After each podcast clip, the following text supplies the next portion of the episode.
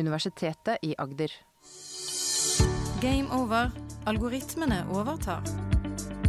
Du hører Maren og Morten snakke om kunstig intelligens. I filmen Dune fortelles det at AI var et mangeårig teknologisk mål for menneskeheten. Det ble utilsiktet realisert eh, med opprettelsen av tankemaskinene, hvis ødeleggelse til slutt kom under den traumatiske butler-Jan-jihad. Det ble aktivt regulert vekk. Hvor sannsynlig er dette? Eh, regner ikke med dere mener vi burde regulere, vekk, eh, regulere oss vekk fra AI i dag. Dette er et lyttespørsmål lytterspørsmål vi har fått inn, Morten, som vi skal snakke litt om i dag. Det er det, og dette er jo da eh, storfilmen Dune, som selvfølgelig for den observante lytter eh, sikkert vet er basert på bokserien Frank Herbert. Uh, Dune, en av de ordentlig datanerdete bokseriene, og nå aktuelt med film. Selvfølgelig er denne filmen blitt prøver, dette blitt filmatisert flere ganger, men akkurat nå er den aktuell på kino.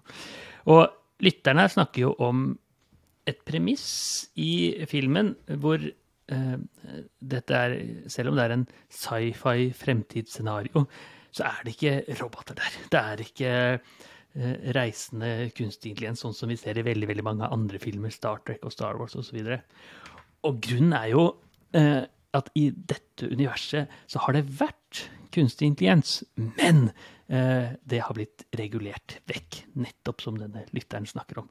Og Butlerian jihad er jo da en kjent eh, krig som har skjedd for 5000 år siden, eh, da dette universet eksisterer. Så jeg har en følelse av at jeg er hakket mer inn i Dune enn det du er, Maren. Er det riktig? ja. Ja, jeg har jo aldri sett eh, denne filmen eller lest eh, boka. Verken den gamle filmen eller den nye som nå går på kino. Men jeg skjønner jo at jeg har gått eh, glipp av noe her. Ja. Uh, så du får stå for informasjonen, og så tenker jeg vi må, sånn som du har begynt med litt nå, informere lytterne og meg om hva denne filmen egentlig handler om. Ja, så, så, dette er jo et gigantisk univers i mange bøker, og det kunne vært en egen podkastserie bare det, tenker jeg, så det tror jeg ikke vi skal gjøre. men det som snakkes om her, er jo disse kunstig intelligente tankemaskinene som det refereres til i Dune. Mm. I Dune-universet så er det som sagt ingen roboter, ingen kunstig intelligens. Og grunnen er at det har eksistert, men det har forsvunnet. Og det, det var jo et mål eh, i fortiden eh, å lage disse intelligente maskinene. Og det fikk de til. Eh, og etter hvert så fjerna de kroppen til disse robotene, sånn at det ble liksom bare virtuelle dataprogrammer, egentlig, som du kunne putte inn i våpen, biler, romskip, den type ting. Men det betyr at det er en, eh, en fremtidsretta Dette skjer om mange, mange år? Eller ifølge filmen, da, så er dette en fremtidsfilm, men den ser tilbake på det som har vært? Er det sånn du sier? Ja, helt riktig. Så ja. filmen er noe sånn som år 10 000. Okay. Eh, kanskje i vårt univers, men kanskje et univers som er et annet. Jeg er litt usikker til akkurat det. Eh, jorda er ikke med, men det er andre planeter osv. Eh, ja. Og så ses det tilbake på en tid i gamle dager, år 5000. Så kanskje om 3000 år, da, så skjer dette. Eh, men i utgangspunktet så er det ikke noe som Det er ikke en sånn fremtidsfilm, egentlig. Eh, sånn scenarioretta. Det er det er fiksjon uten at det nødvendigvis er tenkt at det er sånn det skal være. Ja, det, Så det er absolutt fiksjon. Eh, og det handler ja, jo da om men ja. Om, men, det, men det er Ja, som all god fiksjon så har det en litt eh, normativ tanke rundt seg. Altså eh, tenk hva robotene egentlig gjør med verden for deg. Tenk ja. hva som skjer hvis man får så mye makt til én ting. Og mm. der er det uten at man skal gå for langt inn. Det som er helt sentralt i Dune, er et eh, krydder. Krydder er sånn, eh, både en form for narkotikum, men også noe man kan bruke til å reise i tid osv. Og, så og, og det er liksom sentralt. Hele Dune-universet handler om akkurat det. Litt som olje for oss. Så da Frank Herbert skrev om disse, dette, så var det antageligvis olje som er så sentralt i hele verden. Hva betyr det egentlig for oss? Eh, og da er det krydder som er men litt på siden av kunstig intelligens-biten der, altså. Men det han gjorde, var jo, i motsetning til de fleste andre sci-fi Eh, forfattere ikke populære med kunstig intelligens, og heller bare si at det skjedde før i tida. Ja, og, det som og si at var, dette bare har vi gjort uh, Har vi lagt inn et forbud mot kunstig intelligens er ikke lov? Helt riktig. Kunstig intelligens er ikke lov, eh, og det er da den eh, krigen, jihaden, eh, som skjedde, eh, som er en grunnlag for det. Og med kjemper, kjemper en but, eh, butler og den butlerianske krigen, som er veldig, veldig kjent i, i, i Dune-verden. Så det er, og så er det selvfølgelig mye fram og tilbake her, hva som skjer, men de, de får sin egen bibel, og der står det Thou shall not make a machine in the likeness of human mind. Det er som en av de lovene som er der. da. Alla eh, ti bud i den katolske eller protestantiske jødiske bibelen. Så det, har de en egen, og en av de budene er jo da ikke lag en maskin som ligner på det menneskelige sinn. Mm. Og med det så legger de da inn kunstig intelligens? At der, det er, er lik kunstig intelligens, egentlig? For det som skjedde, det var jo at uh, disse blei mer og mer intelligente, disse robotene. Og de blei mer og mer uh, bevisstfølelse, har for en bevissthetsfølelse. Uh, og til slutt fikk jo da den sin eget tankesett, hva de hadde lyst til å gjøre. hvordan, og da til slutt betyr det å ikke bare leve og eksistere, få et ønske om det, men også et ønske om å gjøre mennesket til slaver. Ta over først en planet, og så neste planet, og så universet til slutt. Og mm. en storstått krig. Eh, roboter mot mennesker. Til slutt så vinner menneskene, og da sier de dette viste seg å ikke være en god idé. La oss mm. gjøre noe annet. Sånn kommer det. Og, eh, og det er jo da eh, Spørsmålet er jo kanskje hvordan vil dette teknologiskepsisen komme til syne her, og hvordan, kom, hvordan, er dette sammenlignbart med en del av den teknologiskepsisen vi ser i vår hverdag? Eh, hva tenker du, Maren? Er, det, er du like teknologiskeptisk som eh, forfatteren er? Ja, jeg tror kanskje ikke det. Uh, håper at vi klarer å bruke teknologien på en fornuftig måte. Men det er klart, det er jo skummelt i, uh, i um, krig, da. Uh, og hvordan teknologien kan brukes der, er jo, har vi jo snakka om flere ganger. Um, blir en Vi risikerer Eller det blir en mer og mer krig med teknologi, da, ikke nødvendigvis med mennesker. Uh, selv om vi er involvert, selvfølgelig. Eh, så det, det, er så, det, er ikke så, lett avgjørelse, men jeg tror jeg tenker jo at det skal mye til for at de forbyr kunstig intelligens og teknologi så mye bra som vi får ut av det. Eller hva mm. tenker du? Jeg, jeg, tenker også det samme, eh, men jeg, jeg ser på meg at det er eh, grader her, som det er med veldig veldig mye teknologi. da. Så eh, Frank Herbert tenker bare på kunstig intelligens som én ting, roboter som er levende og tenkende som mennesker. Mens ja. vi vet at kunstig intelligens er mye mer. Det kan potensielt bli tenkende, levende roboter der ute en gang i framtiden, om 100 år, la oss si. Eh, men det er også mye annet, da. Og, så han definerer og, kunstig intelligens inn i noe som ligner på mennesker, og er en eh, ja. menneskelignende robot, egentlig.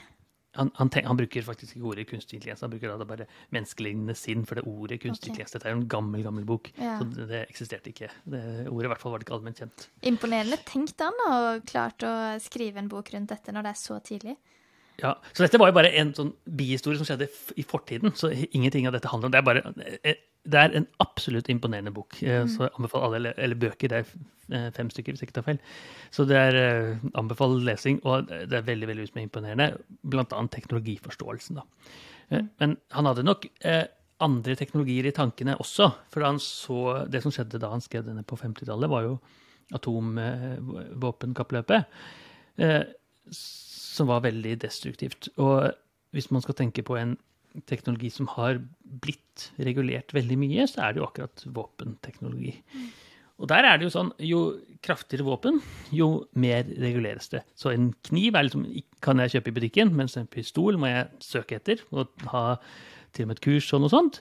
Mens større våpen, maskingevær, får jeg ikke tilgang til. Eh, atomvåpen er helt utenkelig å tenke, for det er så regulert så mye.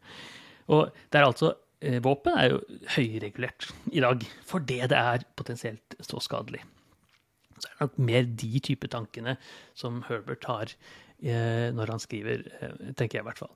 Eh, og det er, og det er fornuftig måte å regulere eh, kunstig intelligens på også, tenker jeg.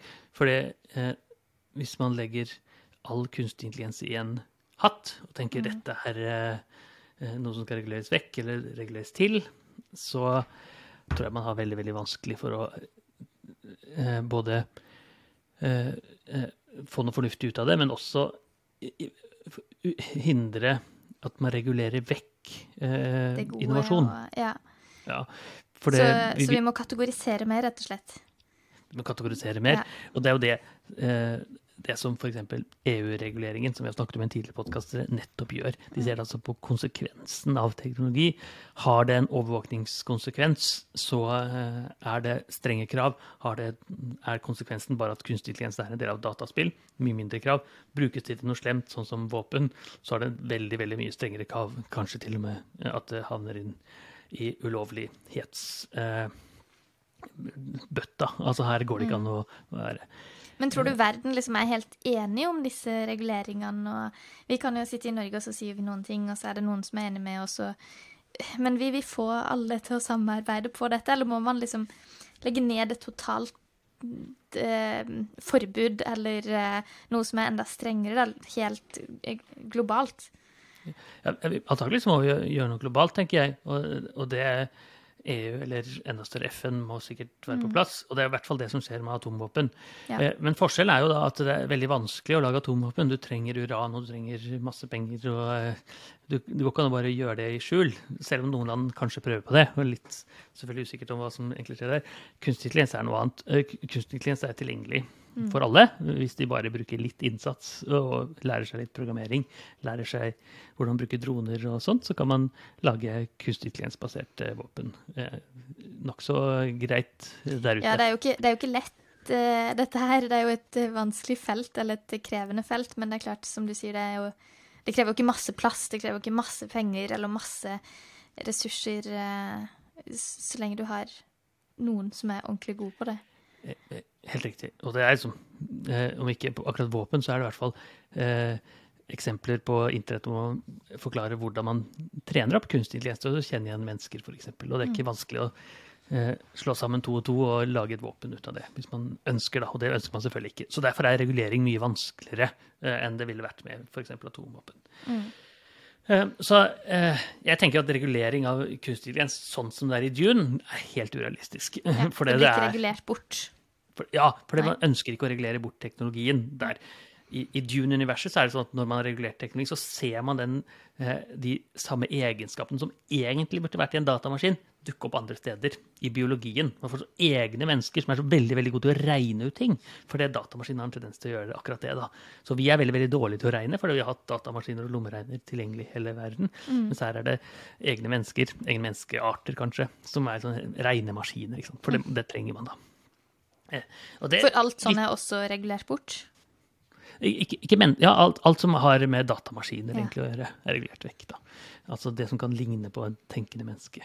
Mm. på en eller annen måte. Og da regner de en kalkulator, på en måte. Ja, i hvert fall så, ja, absolutt. Kalkulator er en mm.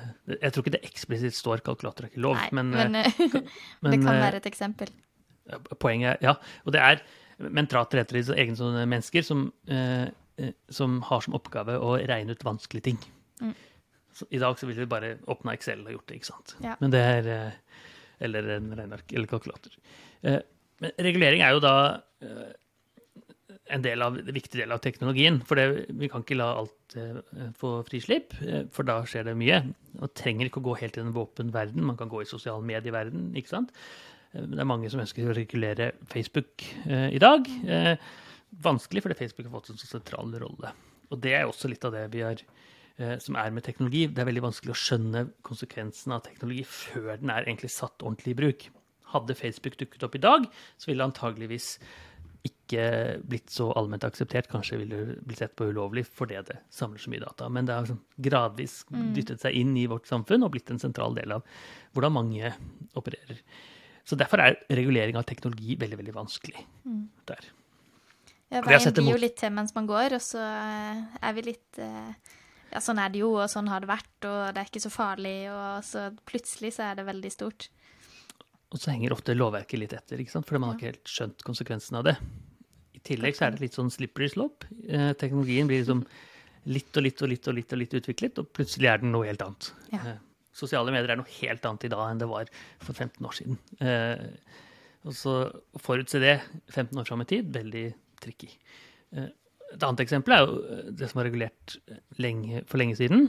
Eh, Segway var jo regulert vekk i Norge. Så viste det seg at eh, plutselig så var det politisk enighet om at det ikke skulle være regulert vekk. Så dukket det opp igjen. Og nå ser vi da konsekvensen av eh, sparkesykler overalt, som noen igjen mener at man da skal regulere vekk. Mm. Så det er ikke lett, selv med så enkel teknologi da, som sparkesykler. Nei, for det er jo ikke, det er vel ikke så mye kunstig intelligens eh, kanskje der, eller?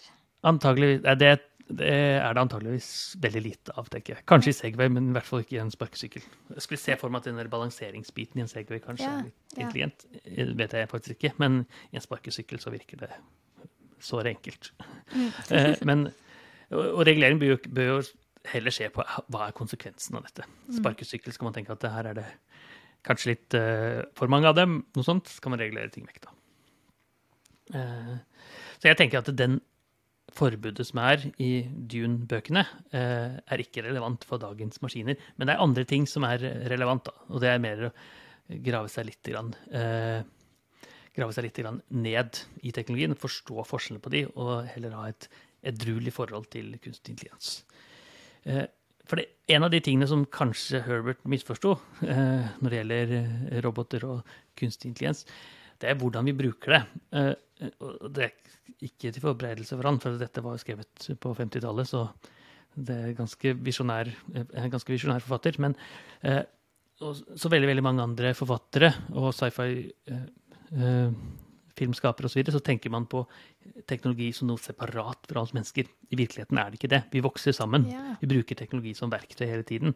Og vi blir flinkere til å bruke teknologi, og vi blir, teknologien blir flinkere til å støtte oss hele veien. Mm, så det er ikke nødvendigvis så avskilt som det, det blir fremstilt som det er. Nei, som vi ser det hele tiden i dag. ikke sant? Vi bruker telefonen som en forlengelse av eh, hjernen, øynene, samtaleverktøy eh, som vi har, eh, til mer og mer. Og vi blir da flinkere til å bruke teknologien til av nye ting hele tiden. Fordi vi utvikler oss, ikke nødvendigvis biologisk, men vi, liksom, vi lærer hvordan teknologien skal kunne brukes. Sånn som når vi ble kasta inn på hjemmekontorer for eh, en, en god stund siden. Mm. Vi hadde lært hvordan teknologien faktisk ble brukt. Mm. Jeg tenker vi har faktisk eh, så lange ører at vi kan snakke med noen på andre sida av jorda i sanntid.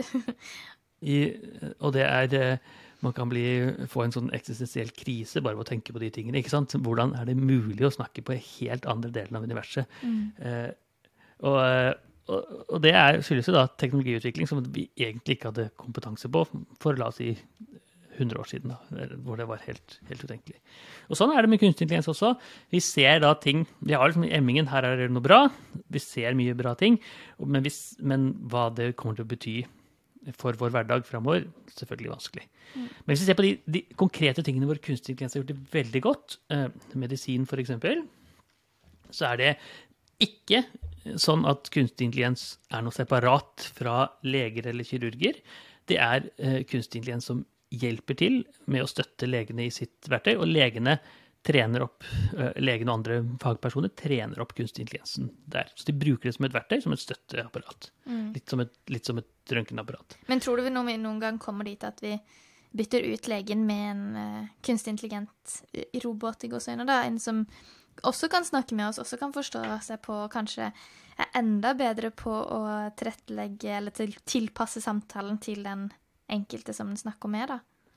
Ja, nei, det tror jeg ikke. Og grunnen er at det, for det, teknologi er, er noe annet. Teknologi er noe annet enn å, å etterligne oss mennesker, egentlig. Te- At vi ikke teknologi- trenger teknologien til å etterligne mennesker, fordi er vi Ja, for vi har mennesker. Hvis jeg skal snakke med noen, så kan jeg snakke med et annet menneske. Stort Mm. sett, da.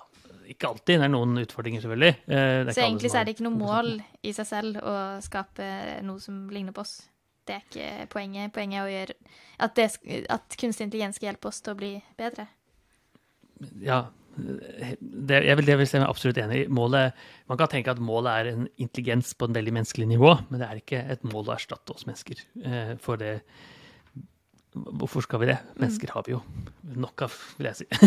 og det er, og det, eh, så det er i medisin, eller hvilken som helst andre verden, i i eh, lovverket, eh, jurister, i eh, ansettelsesprosesser. Alt dette er steder hvor kunstig intelligens har gjort det virkelig, virkelig bra. og ingen av de stedene ser vi noe tegn til at det er erstatning av yrkene eller arbeidene. Og ikke noe separat. at Det er ikke sånn at vi sier her lager vi en robot, og så lar vi den roboten stå alene. Det er verktøy som vi jobber sammen med. Mm. Menneske i løkken, som vi kaller det. Human in the loop. Så så en person ved siden av en maskin eller en kunstig intelligens er det som gir det mest attraktive resultatet for kunstig intelligens. Og det er en prosess som blir eh, forbedret kontinuerlig med mennesket involvert. Og det er noe veldig veldig annet enn hvordan kunstig intelligens ofte fremstilles i sci-fi-filmer, inkludert i Dune. Mm. Det blir ikke en kamp mellom mennesker og teknologi, det blir en, eh, et samarbeid hvor vi styrer. og etter hvert som en kunstig intelligensen utvikler seg, vil den da spille en mer kritisk rolle i samfunnet, selvsagt. Men det er langt fra en tid da maskiner vil erstatte oss på den globale arbeidsstyrken eller på noe som helst annet. For det, det er så mange verdener, mange ting vi gjør, enten yrkesmessig, lekmessig, hverdagsmessig, som handler, handler om ting som kunstig intelligens absolutt ikke kan. Kreativitet, sosial intelligens, en forståelse av verden. Eh, så bare fordi den kan spille sjakk veldig godt, se bildet veldig godt, så er det eh, ikke den formen for intelligens vi egentlig ser etter. da. Og der mener jeg Dune egentlig misforstår teknologien. Eh. Og, og, derfor er det ikke den type forbud, i hvert fall sånn strengt forbud som handler om all type tenkende, menneskelignende maskiner. Hvis man sier menneskelignende er det samme som kunstig intelligens. Det er i hvert fall det de fleste tolker det som. Så jeg tenker eh, ja. Eh, vi skal absolutt være varsomme på hva kunstig intelligens kan gjøre. Og vi, tenke, vi bør absolutt tenke mer på kunstig intelligens sikkerhet. Eh, regulere oss vekk fra det. Jeg tenker nei. God oppsummering. Og takk for lytterspørsmål. Vi blir veldig glad for eh, flere spørsmål, så send inn til oss. Det gjør bunnen vår mye lettere. Du hører Maren og Morten snakke om kunstig intelligens. Har du spørsmål til Maren og Morten, send en e-post til gameover.alfakrølluia.no. Universitetet i Agder.